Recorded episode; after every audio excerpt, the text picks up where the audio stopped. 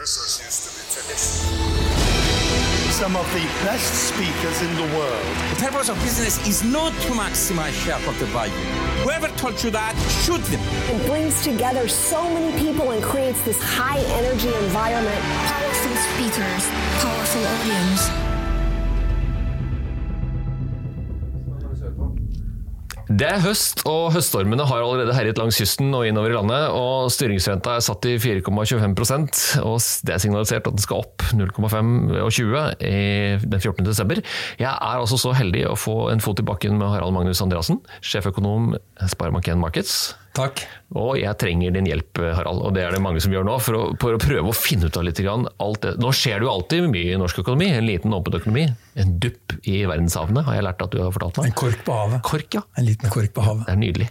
Eh, og litt skremmende, selvfølgelig. Ja, ja. Men hvis vi skal begynne med det folk flest nok er opptatt av, er boligrenten. Så skal vi snevre oss inn mot eh, næringsdrivendes eh, lille dilemma knyttet til valuta, og ikke minst lønnsoppgjøret. Mm. La oss gå løs på boligrenten. Ja, vi får se hva Norges Bank gjør i desember. Det er det ingen som vet ennå, heller ikke Norges Bank. Eh, de har signalisert at de trolig kommer til å øke, jeg tviler på det. Eh, og de ga seg selv en åpning, nemlig at dersom prisveksten blir bekreftet at den er på vei nedover, så kan de vente med å heve.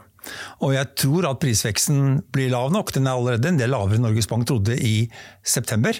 Eh, og jeg tror ikke at det blir en overraskelse på oppsiden nå i fortallene som kommer nå i denne uken her, 10. Eh, november, eller desembertallene.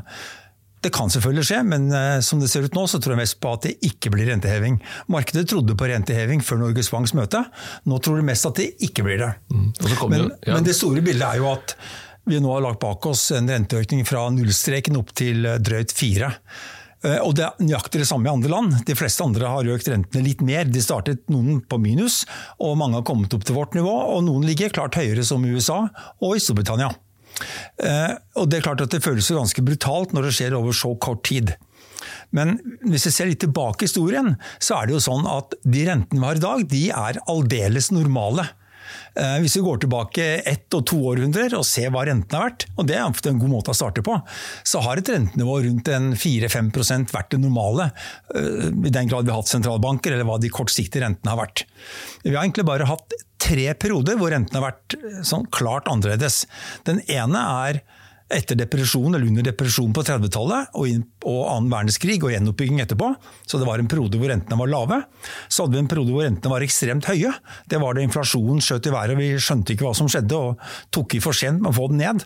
Og da ble rentene fryktelig høye, så vi kom på bordrente på 14-15-16-17% nivå, også i Norge. Og så hadde vi årene etter finanskrisen.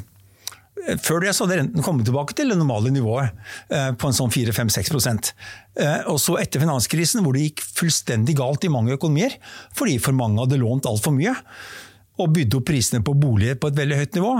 Da fikk vi det vi kalte finanskrisen, som egentlig var en bolig- og gjeldskrise. Som ble finanskrise til slutt, lenge etter at bolig hadde gått helt, helt galt.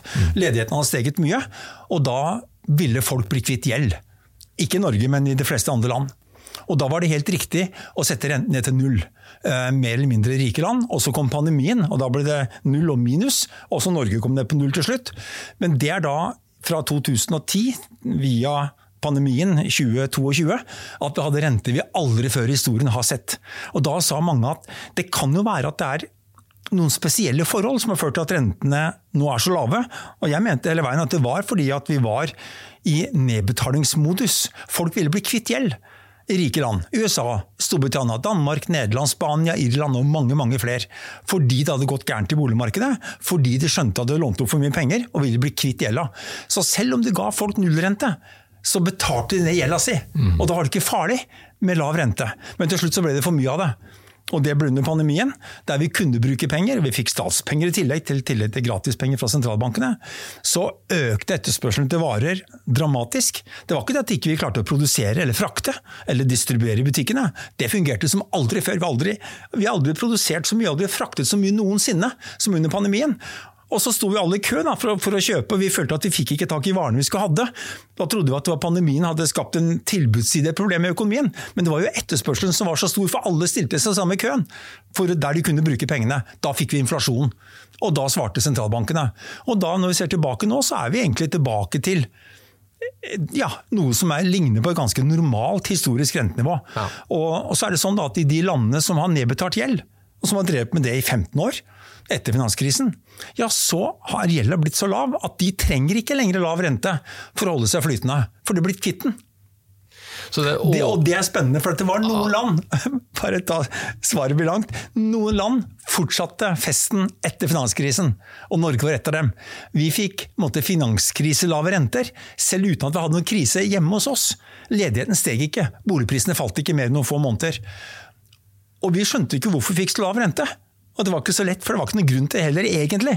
Annet at hadde renta vært høy, så hadde trolig kronekursen den gangen blitt kjempesterk. Han var sterk allerede, og for sterk. Så det var ikke enkelt for Norges Bank å, å tråkle rundt det. Men vi fortsatte festen med de lave rentene som de andre trengte. For de ville bli kvitt gjelda. Og vi brukte det i de årene til å fylle opp gjeldskassa ytterligere og by opp boligprisene videre. Og nå står vi der med kjempehøy gjeld i forhold til andre som har nedbetalt. De trenger ikke lav rente, men da spørs det hva vi kommer til å trenge etter hvert. Akkurat nå så er renta grei, men det kan jo tenkes en situasjon hvor vi skulle ønske at vi kunne kutte rentene mye i Norge, men hvor ikke det blir så innmari enkelt å få til i en liten i en globalisert verden, hvor Norge er en, som, sa, som du sa det, en liten dupp, en liten kork på havet. Ja, nydelig. og Det der overhenget fra pandemien har jo du og jeg snakket om før. At vi fikk stimulert en slags både på husholdninger, men også i bedrifter. Ga de et handlingsrom. fordi at man, helt, man visste jo ikke helt hva, hva, Det helt riktig hva resultatet av pandemien var. Men man ser, når man ser på grafen nå, så gikk det jo brått ned der i mars. Og så spretter det opp igjen til all time high. Og det bare fortsatte galopperer jo gjennom 2021. Ja, det er det som er saken. at Opp til 2022. det var, jeg, var, jeg var helt enig i behovet for å gjøre hva de kunne og dra i alle spakene du hadde i mars, april, mai i 2020, da pandemien slo inn. Vi ante ikke hva, det, hva som kunne ha skjedd. Og det kunne vært hvis vi ikke hadde gjort det. At folk ble livredde for å bruke penger der de kunne bruke penger. Der det var forsvarlig helsemessig, virusmessig, å, å, å bruke penger. Og da ville økonomien gått fullstendig i stå. Men det vi så, som du sier, det, var at det tok jo bare uker. På boligmarkedet, to-tre uker, så så vi det. Herre jemini, prisene stiger jo! Folk trodde, Jeg trodde iallfall, som, som pessimist på det markedet der, nå er det endelig min dag kommet. Det, var- det to-tre uker, så var det i gang igjen. Eh, Og, og Det var da riktig å vente noen måneder med hevet, men sentralbanken ventet altfor lenge. Norges Bank var flinkest, blant de flinkeste iallfall. Bare Sør-Korea var vel før oss. Eh, Men USA, som hadde mye større behov for å få opp renten enn det vi hadde faktisk, ventet et halvt år til. Og det er ikke lenger enn siden mars i fjor. Nå har vi kommet på høsten i 23, og det var i mars eh, 22 at sentralbanken i USA sa at nei, dette blir feil, vi må opp med rentene, og satte opp rentene raskere enn noen gang siden 1980. Men før vi går inn på bedriftsperspektivet, gleder jeg meg også til å høre, så er jo det vi hører jo om er jo at det er inflasjonsmålet som kommer til å være Det er fortsatt denne ideen, har jeg hørt, at man skal styre etter et sånn 2% ish forhold mellom inflasjon og rente. Og man er jo et stykke ennå, det er vel fortsatt målt i oppunder seks, 6, tror jeg. Sist jeg så. Og så kom det signaler fra EU at der var det gått ned, i England har det gått ned, i USA har det gått ned. Og så er man jo nå veldig spent. Nå, nå kommer du til å le litt av meg, nå kommer Black Friday, og så skal folk kjøpe til jul, og de skal bruke opp den siste skvisen av oppsparte midler etter en veldig dyr sommerferie og høstferie. Og gud, det- høstferie og så var det handel på salg nå, så er det slutt, bedre. Ja, Da er det over. Ja, Det- det er- hva, hva det tror er du? Dette inflasjonsmålet og januar-februar, vi må jo tenke litt fremover. Ja, ja, og sentralbankene tenker alltid fremover, sier de. Men vi vet jo at de handler jo ut ifra det de har sett i dag. De lager prognoser, og de sier at de handler på prognosene, men de prognosene er igjen veldig avhengig av hva vi har sett i løpet av la oss si, de siste månedene. Hva er retningen i økonomien? Og, det er helt riktig som du sier, inflasjonen er nå på vei ned. Det er mye fordi det er to ting. Det ene er at det var noen korker på tilbudssiden eh, fordi vi ikke rakk å bygge opp nok ny kapasitet. Men f.eks. på fraktmarkedet, containerfrakt mellom eh, kontinentene, så gikk jo fraktraten ned femgangeren. Det ble kjempedyrt å frakte. Ikke fordi vi, at det ikke var noen båter der, vi fraktet jo mer enn noensinne før. Når vi ser antall containere som kom inn så videre, var det jo rekordtall overalt. Eksporten fra Kina har aldri vært høyere enn under pandemien, og vi trodde Kina ikke funka. Men det førte da til tidenes kontraheringsbølge av containerskip. Og nå kommer de, og vet du hva? Ratene gikk femgangeren. Etterpå har de falt 80% Hvis du er flink til å regne nå i hodet fort, så vil de finne ut at da er fraktraten nøyaktig tilbake der de kom fra for fire år siden. Det er bittert å sitte med, å sitte 100 båter som kommer 100 klart, båter som, som, er rett i opplag. Som er rett i opplag, og de får, de får dekka bunkerslønn, men ikke noe mer enn det. Og det gjør at, en, at det skjer på tilbudssiden. At ting skje, at du, du Når prisene er høye, så vil du prøve å produsere, og levere mer. Og Tilsvarende på, har jo renteøkningene også tap på kjøpekraft som følge av at inflasjonen er blitt høy, men primært renteøkningene har dempet etterspørselen. Så nå er det mye bedre balanse på varemarkedene. Og vi ser at Vareinflasjonen i mange land den kommer ned på nullstreken. Bedriftene forteller nå de klarer ikke å øke prisene. Så nå kommer inflasjonen ned. I Norge har den kommet godt ned for toppen. Mm. Tar du hovedinflasjonstallet, så var det langt opp på syvtallet, selv med strømstøtte. Og nå var det ned på 3,3 i september. Eh, riktignok da hjulpet spesielt av lave strømpriser. Høye i fjor og ekstra lave i år. og Det jevner seg litt ut nå de neste månedene. Men inflasjonen har passert toppen. Inflasjonen kommer nå ned. Pengepolitikken virker. Og Det er grunnen til at sentralbankene sier i dag er inflasjonen altfor høy fortsatt. Den har kommet ned. Vi tror den kommer mer ned, uten at vi trenger å heve rentene videre. For når du har sett at økonomien har begynt å tilpasse seg, du ser at nå begynner ledigheten å stige. Det stiger i Norge, i alle regioner, til og med Rogaland. Den stiger for alle yrkesgrupper. Svært lite foreløpig, men økonomien har måttet passert toppen. Den har begynt å bremse. Klart i USA. Ledigheten har steget. I Storbritannia har steget, og nå begynte det også i eurosonen forrige uke. Og Da kan sentralbankene si vi hever ikke videre fordi vi ser at medisinen virker. Og vi vet at den doseringen her, den, den dosen vi har satt allerede, med renteøkninger, ja, den kommer til å virke i mange måneder og kvartaler fremover. Og Det er vanskelig, for at du skal da prøve å, det er samme som det står i dusjen, ikke sant? da skal regulere varmen, og du har en lang slange mellom, eh, mellom eh, kranene og vannet som kommer ut, så er det vanskelig å, å, finne rette temperaturen, for du tar i fart. Så, hvis det er varmt, da, så du, skrur du opp det kalde, ikke sant? og så blir det for kaldt, og så må du skru opp det varme. Også. Ja. Eh, og dette er kunsten i pengepolitikken.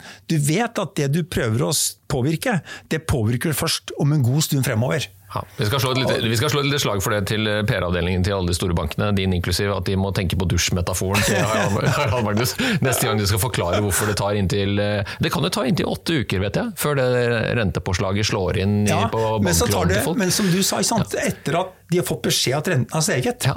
så er det ikke åpenbart at folk endrer atferd umiddelbart. Det det, de håper at det går over, du ser ikke så nøye på hvor mye som er igjen på kontoen, og det tar tid å tømme en god konto uansett, og mange hadde jo ekstrasparing. Riktignok brukte de mye på varer, men de brukte enda mye mindre på tjenester.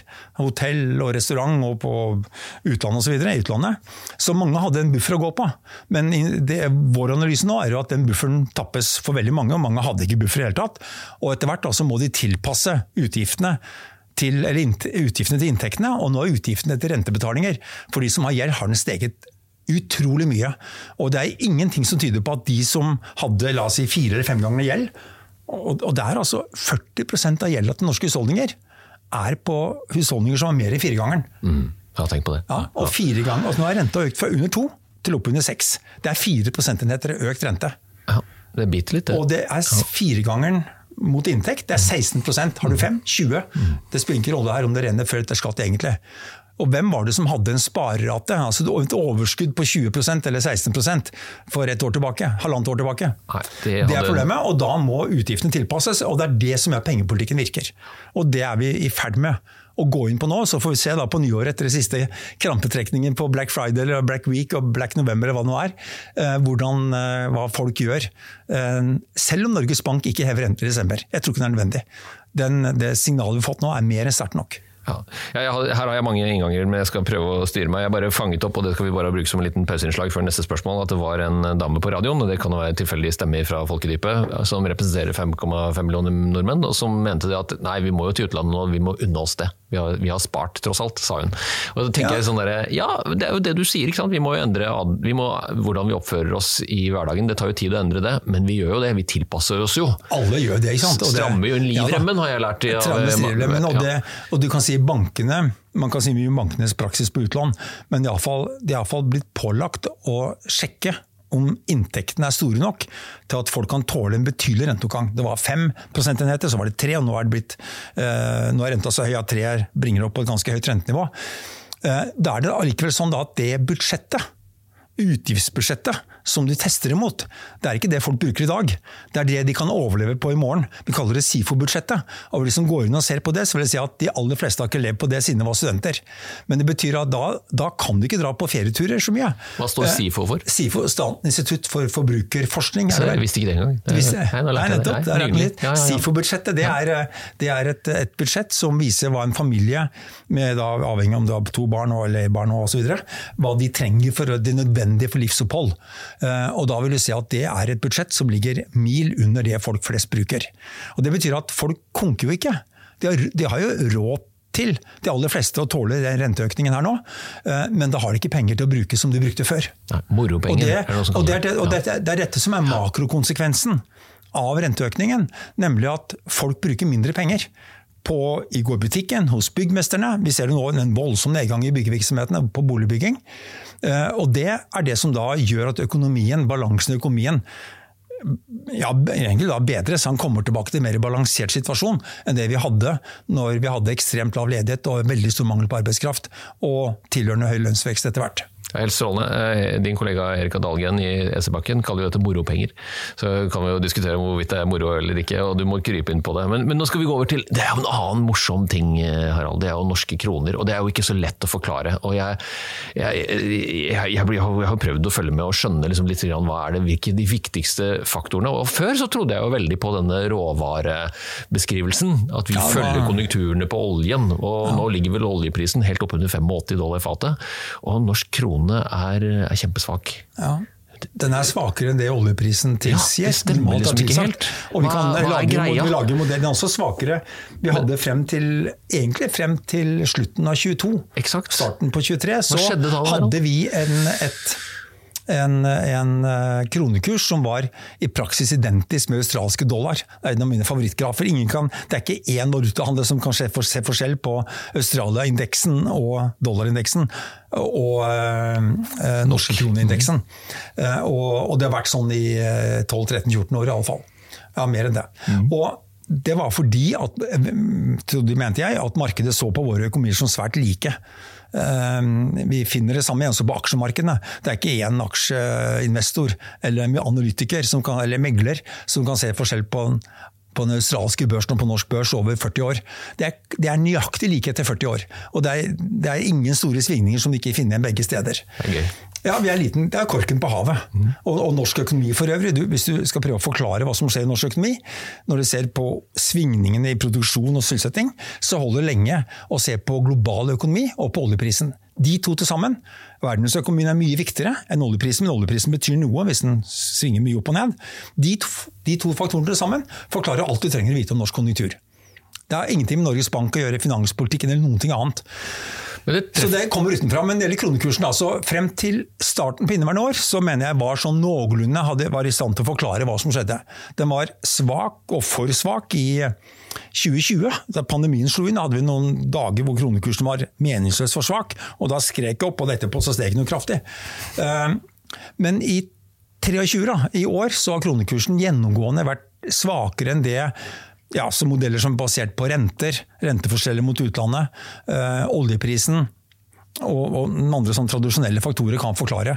Eh, og jeg har egentlig ikke noe veldig sterk god forklaring på hvorfor kronen er svakere. Den har vært, det, vært på den svake siden før, men nå har vi Jeg satt akkurat og så over tingene nå i på rapportene sendte i dag tidlig, i forhold til den, måte, den klassiske modellen som er brukt gjennom veldig lang tid, så har vi det nest største avviket noensinne. Det bare var litt større i mars 2020, da kronekursen falt helt ned i dørken. Da var kronekursen mye svakere, men da var også oljeprisen mye lavere, så vi kunne forklare mye av det. Men avviket det var like stort da, i dag da, som det var den gangen i 2020. Eh, Og det kan være en forsinket reaksjon på at eh, Riksbanken i Sverige og Europeiske sentralbanken satte opp rentene fryktelig kraftig i annet halvår i fjor. De lå langt bak oss, men plutselig kom de i gang. Og de økte med 75, 75, 75. Altså det var voldsomt rentekjør. Og hele forspranget vi hadde på rente mot de andre, det ble borte.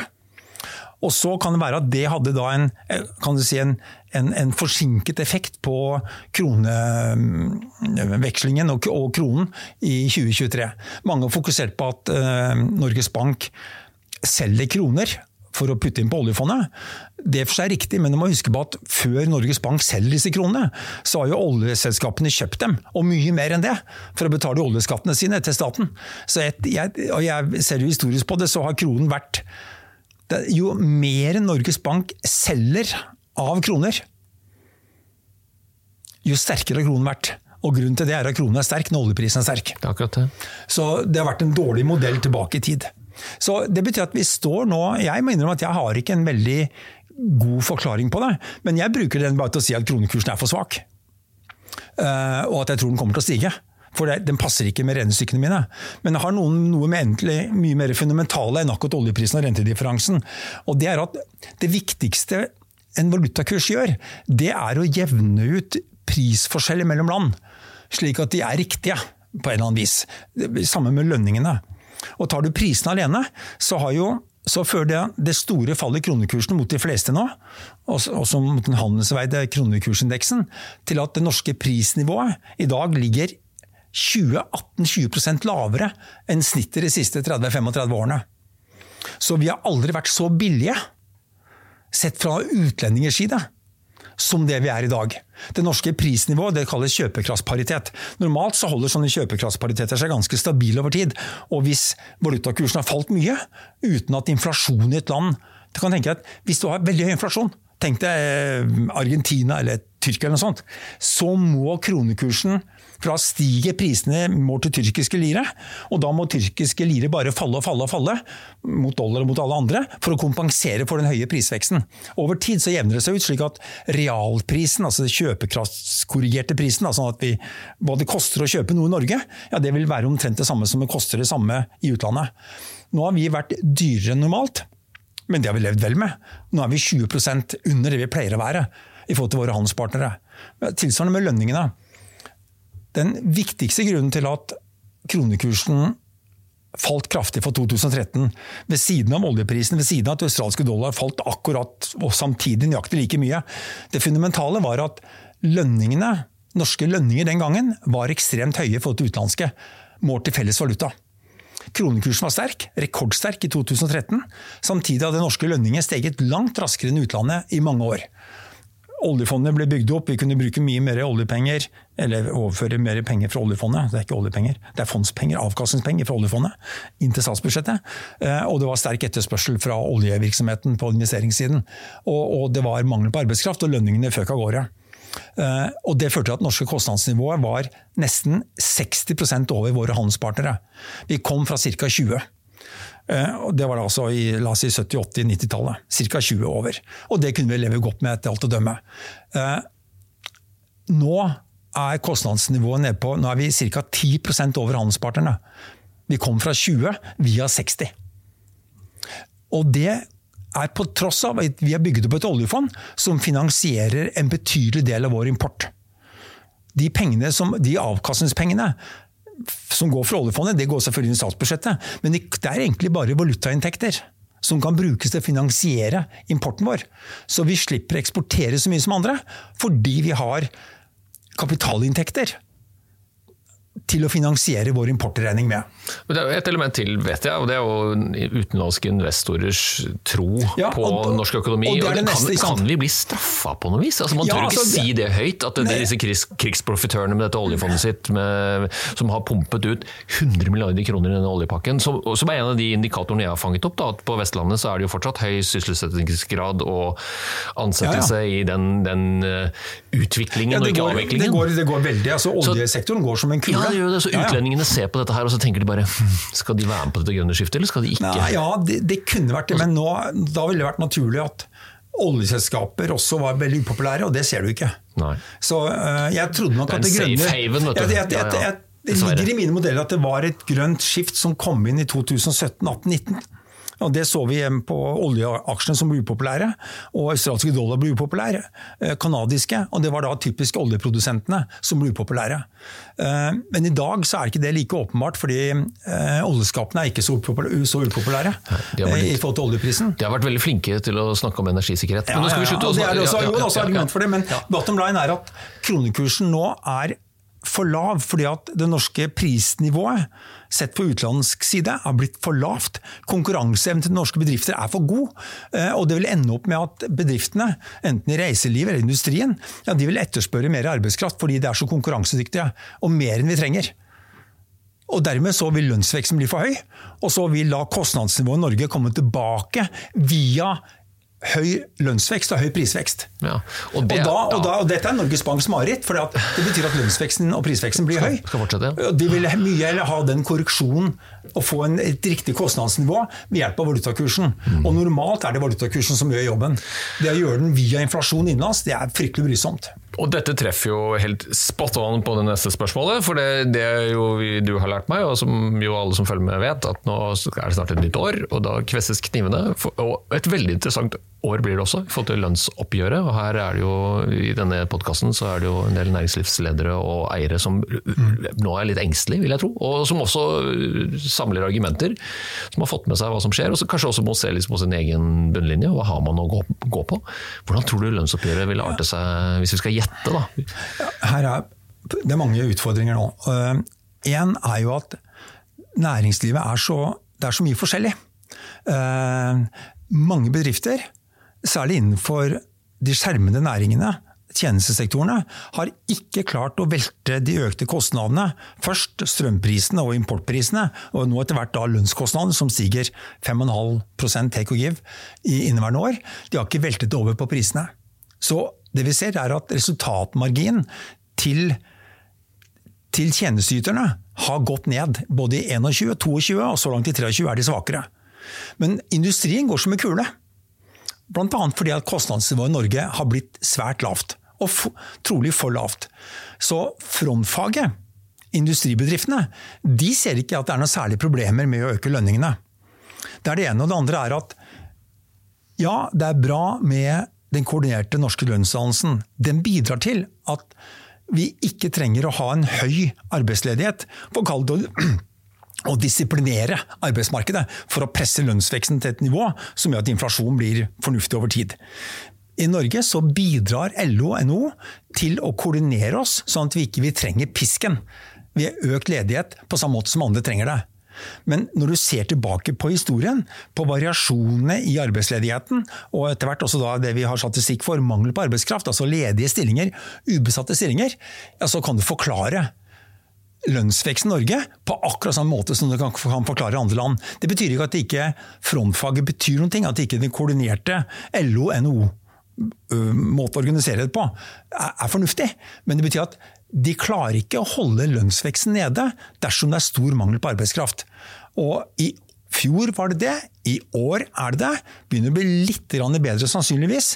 Det kan bli bedre neste år, men om det blir så bra at lønnsveksten kommer ned på noe som er i nærheten av å gi 2% inflasjon, det gjenstår å se. Norges Bank jekket opp lønnsveksten mer enn jeg trodde eh, i september. Fra var det vel 4,6 til, til eh, 5,2 for, for 2024. Eh, Regjeringen sier 4,9.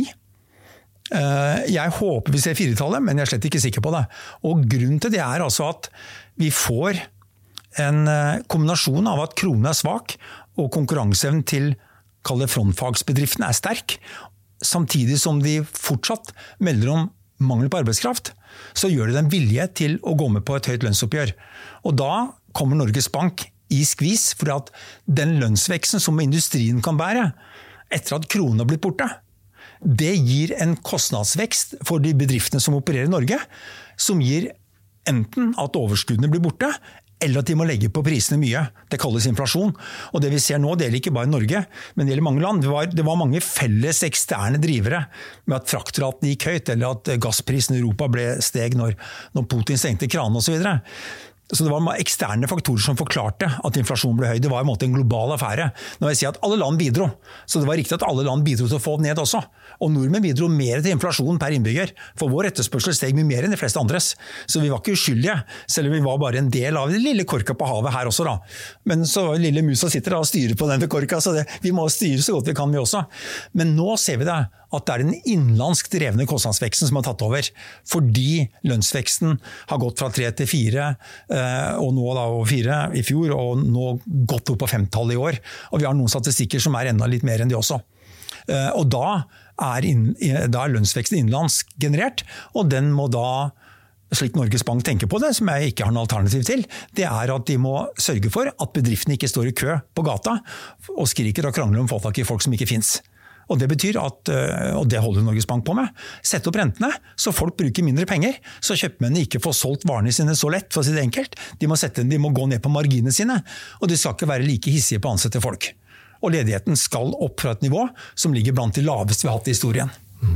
Nei, de, de ordene som jeg merker meg mest nå, er jo at jeg, jeg er jo såpass gammel at jeg husker jo når man snakket om moderasjon i inngangen til lønnsoppgjørene, men nå er det kompensasjon. og, Ja, og det- det kan jo drive nettopp det spillet vi snakker om nå, ikke bare på frontfagene, men også senere utover året, når man skal sette seg ned og få kompensasjon for økte renter og boligkostnader og mindre Ja, det tror jeg det er. LO vil aldri foreslå å få kompensert eh, bokostnadene, rentene. Eh, og de har egentlig også vært ganske forsiktige med å kreve kompensasjon for det, for det snøen som falt i fjor, altså tapt reallønn i fjor. Som følge av at prisveksten ble i fjor, så har de vært ganske tilbakeholdne med å kreve det. Til medlemmene. Ja. Medlemmene krever mer enn LO. For de vet at hvis, altså LO skjønner at det er ganske bra, iallfall burde de skjønne det, det tror jeg de gjør. Hvis de krever for mye, så får de problemer med at renta kommer videre oppover. og Det er mange ting som er uheldig med inflasjon, og det er LO også helt enig i. Men, men faren er det jo at kravene er der blant folk. Forventningene er der blant folk. Evnen til bedriftene, hvis vi ser bort ifra at ikke tjenesteyterne har klart å velte over alle, alle kostnadene i prisene ennå. Mange bedrifter har evnen til å betale mer.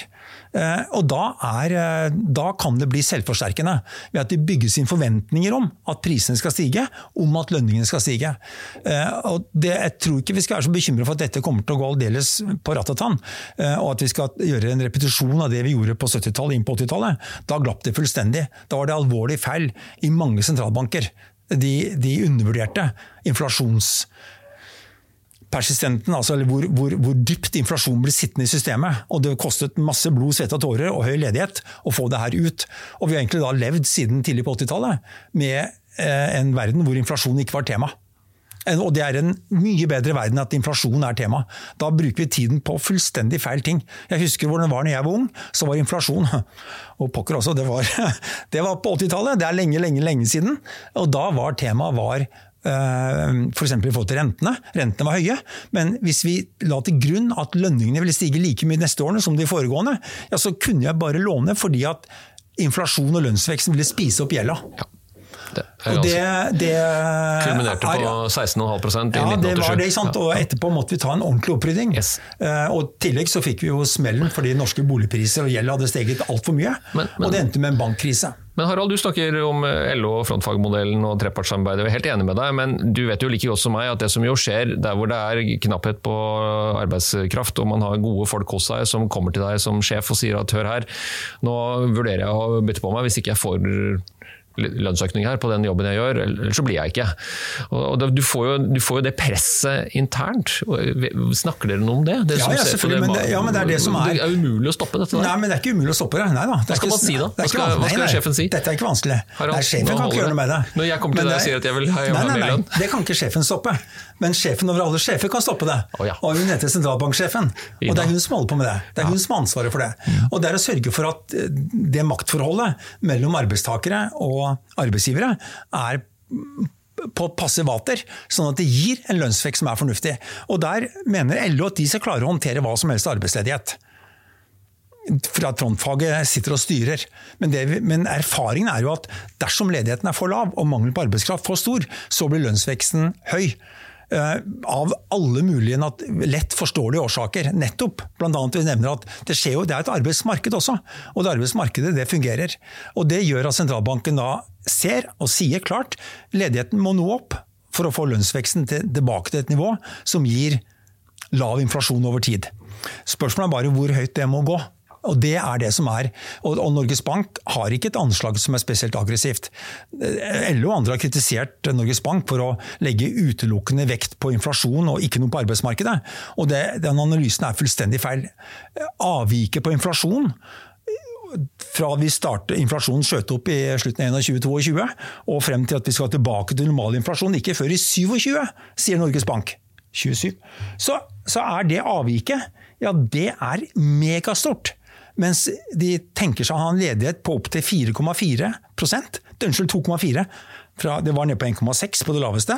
Vi er nå på 1,9, og de ser for seg å gå opp til 2,4 og 2,4 ja, det ligger langt under gjennomsnittlig ledighet i Norge de siste 30 årene. Dette er den myke landingen. Dette er en ekstremt ekstrem myk landing, og Det kan hende at det går myk landingen, det kan hende at det går, men risken er at uh, lønnsveksten ikke kommer ned Ja. når det er, arbeidsmarkedet er så bra som fortsatt Norges Bank tegner opp. Og Der gjenstår kampen, og det spørs også hva Norges Bank da gjør, hvis de ser at lønnsveksten ikke roer seg ned, slik at vi kan tro at inflasjonen kommer ned. De har vært ekstremt tålmodige, og Norges Bank er nå mer tålmodig nå, i hvert fall når vi ser på sentralbankenes anslag på inflasjon fremover. De fleste er på plass i 25. Norges Bank tenker ikke være på plass før i 27. Jeg synes det, det er spennende, og jeg prøvde å få deg utpå i forhold til den lokale lønnsdannelsen. og det er klart Du skal ikke svare for, hverken for det eller med det, men jeg tror de begrepene og perspektivene du snakker om, er også et uh, frampek til mitt siste spørsmål til deg. og Det handler om at arbeidsgiverne står jo i en sånn slags trippelskvis her. Både i forhold til eh, sine ansatte, til hva de tenker om sin egen virksomhet og sitt perspektiv, men også i forhold til hele samfunnet. For hvis det glir i de lokale forhandlingene, og at man gir påslag i 50 100 000, 200 000-klassen for å holde folkene, fordi at de har fått økte kostnader og har brukt opp sparereservene sine, så, så blir jo det presset fortsatt på. For det, det må jo ta, tas igjen et sted. Og så får vi den litt sånn uheldige situasjonen hvor, hvor lang horisont skal, eller hvor kort horisont skal vi ha da, før vi ser at dette går bedre. Kan du, vil du hjelpe meg med det? Du, du, altså, nevnte nå er- 25-27, eller hva, Ja, hva altså tror det du? var at, at Norges Bank sier at vi skal ha eh, prisveksten ned til normalt nivå igjen, da, 2 %-nivået, ikke før i 27. Ja, så vi må smøre oss med litt Ja, Det er ganske lenge til, og andre sentralbanker regner med å være på plass tidligere. Jeg tror inflasjonen kommer raskere ned enn Norges Bank nå tror. Men jeg er veldig usikker på om det kommer til å skje ved at ledigheten må noe mer opp enn det Norges Bank har lagt til grunn. Eh, Vi må kort, Norges Bank må, være, må holde renten høy for å jage folk ut av butikkene og ut av byggmesternes eh, kontorer, eh, slik at de trenger færre folk. Og både marginene til bedriftene og lønningene kommer under press. Men nå må sies da at, som jeg sa til å begynne med her, vi fortsatte gjeldsfesten i 15 år til etter at de andre slo bakk og begynte å nedbetale. Vi har nå den høyeste gjelden mot inntekt av noe land i, som vi kan se på. Eh, I tillegg har vi bare flyterente. Så innslaget altså, eh, fra Norges Bank hever, så får du et veldig gjennomslag i økonomien, fordi kjøpekraften til alle som har lån, faller når renta stiger. Og det er enorme tall vi ser på for Norges vedkommende. I USA for eksempel, så har, Norge, så har sentralbanken økt rentene mer enn Norge. Eh, Men der er det jo bare fastrente. Så folk flest de har jo ikke fått økte renteutgifter i det hele tatt. Eh, Etter hvert som de må flytte, så pipler det inn. da. Men nå vil ingen flytte, for da må du ta opp et boliglån på 8% Det var tre under pandemien, og fire før pandemien. Nå er det åtte. Eh, Mens i Norge så kan vi ikke løpe fra det. Vi får, alle får eh, ja, kanskje nå 6, da, oppunder 6% på boliglånet. Eh, og det gjør at innstrammingseffektene er veldig høy. Og det er klart at her er det er et vanskelig dilemma her. Eh, fordi at det kan godt tenkes at Norge og norske husholdninger slår inn på det samme som alle andre rundt oss har gjort. Nemlig at de ønsker å bli kvitt gjeld etter at den har steget veldig mye. Husk på det at nå koster det, penger, nå koster det å låne penger. Det var gratis som mange oppfattet det i årene etter finanskrisen, enda billigere ble det under pandemien. Og det er klart, Da ville folk ha mer lån.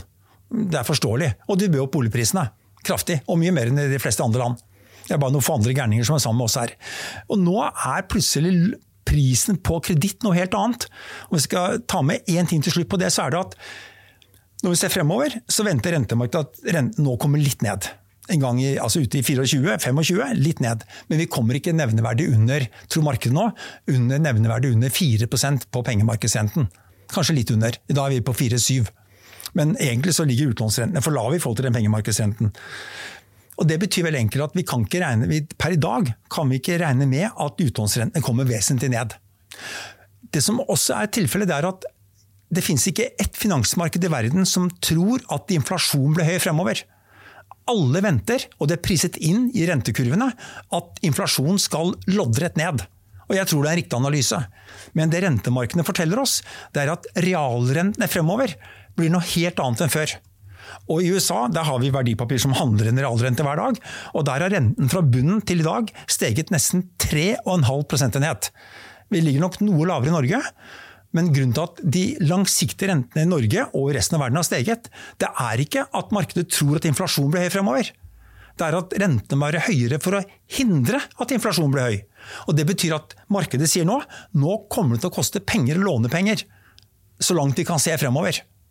Og når vi ser på disse realrentene fremover, så innebærer det veldig enkelt. Det blir mye dyrere å ha lån enn før. Og etter at gjelda har steget mye, så er det en åpenbar risiko for, eller kanskje uomgjengelig, at Ola og Kari ønsker å ha mindre gjeld. Og de vil ha mindre å by for når de skal kjøpe boliger. Og da kan det tenkes da at de boligprisene har steget mye mer enn inntektene, mye mer enn andre priser, mye mer enn husleiene. Husleiene har steget mindre enn prisene for øvrig i Norge de siste ti årene. Det er bare boligprisene som har steget, ikke husleiene, i forhold til inflasjonen. Og det har selvfølgelig skjedd fordi rentene var ekstremt lave. Nøyaktig samme som skjedde på markedet for næringsbygg. Hvorfor steg prisene på næringsbygg så kraftig? Jo, fordi at de som eide og kunne leie ut byggene, ikke trengte så høye leieinntekter i forhold til verdien av bygget, fordi de kunne låne ja, til 3 rente. I dag er renten 7 Og Det betyr at verdiene av fremtidige inntekter, husleier, ja, aksjeutbytter og alt annet, er mye mindre fordi rentene, og det er viktig, realrenten har steget kraftig. Mm. Så den nye normalen er egentlig det gamle normalen? Det var det vi startet med. Vi er tilbake til noe som ligner på det vi har sett før. Og så er det mulig at, det også, at analysen er feil. At det naturlige rentenivået heretter vil være mye mye lavere enn tidligere. Jeg tror ikke vi skal tilbake til de samme realrentene som før 2000. og Grunnen til er veldig enkelt at veksten i befolkningen i rike land er lavere.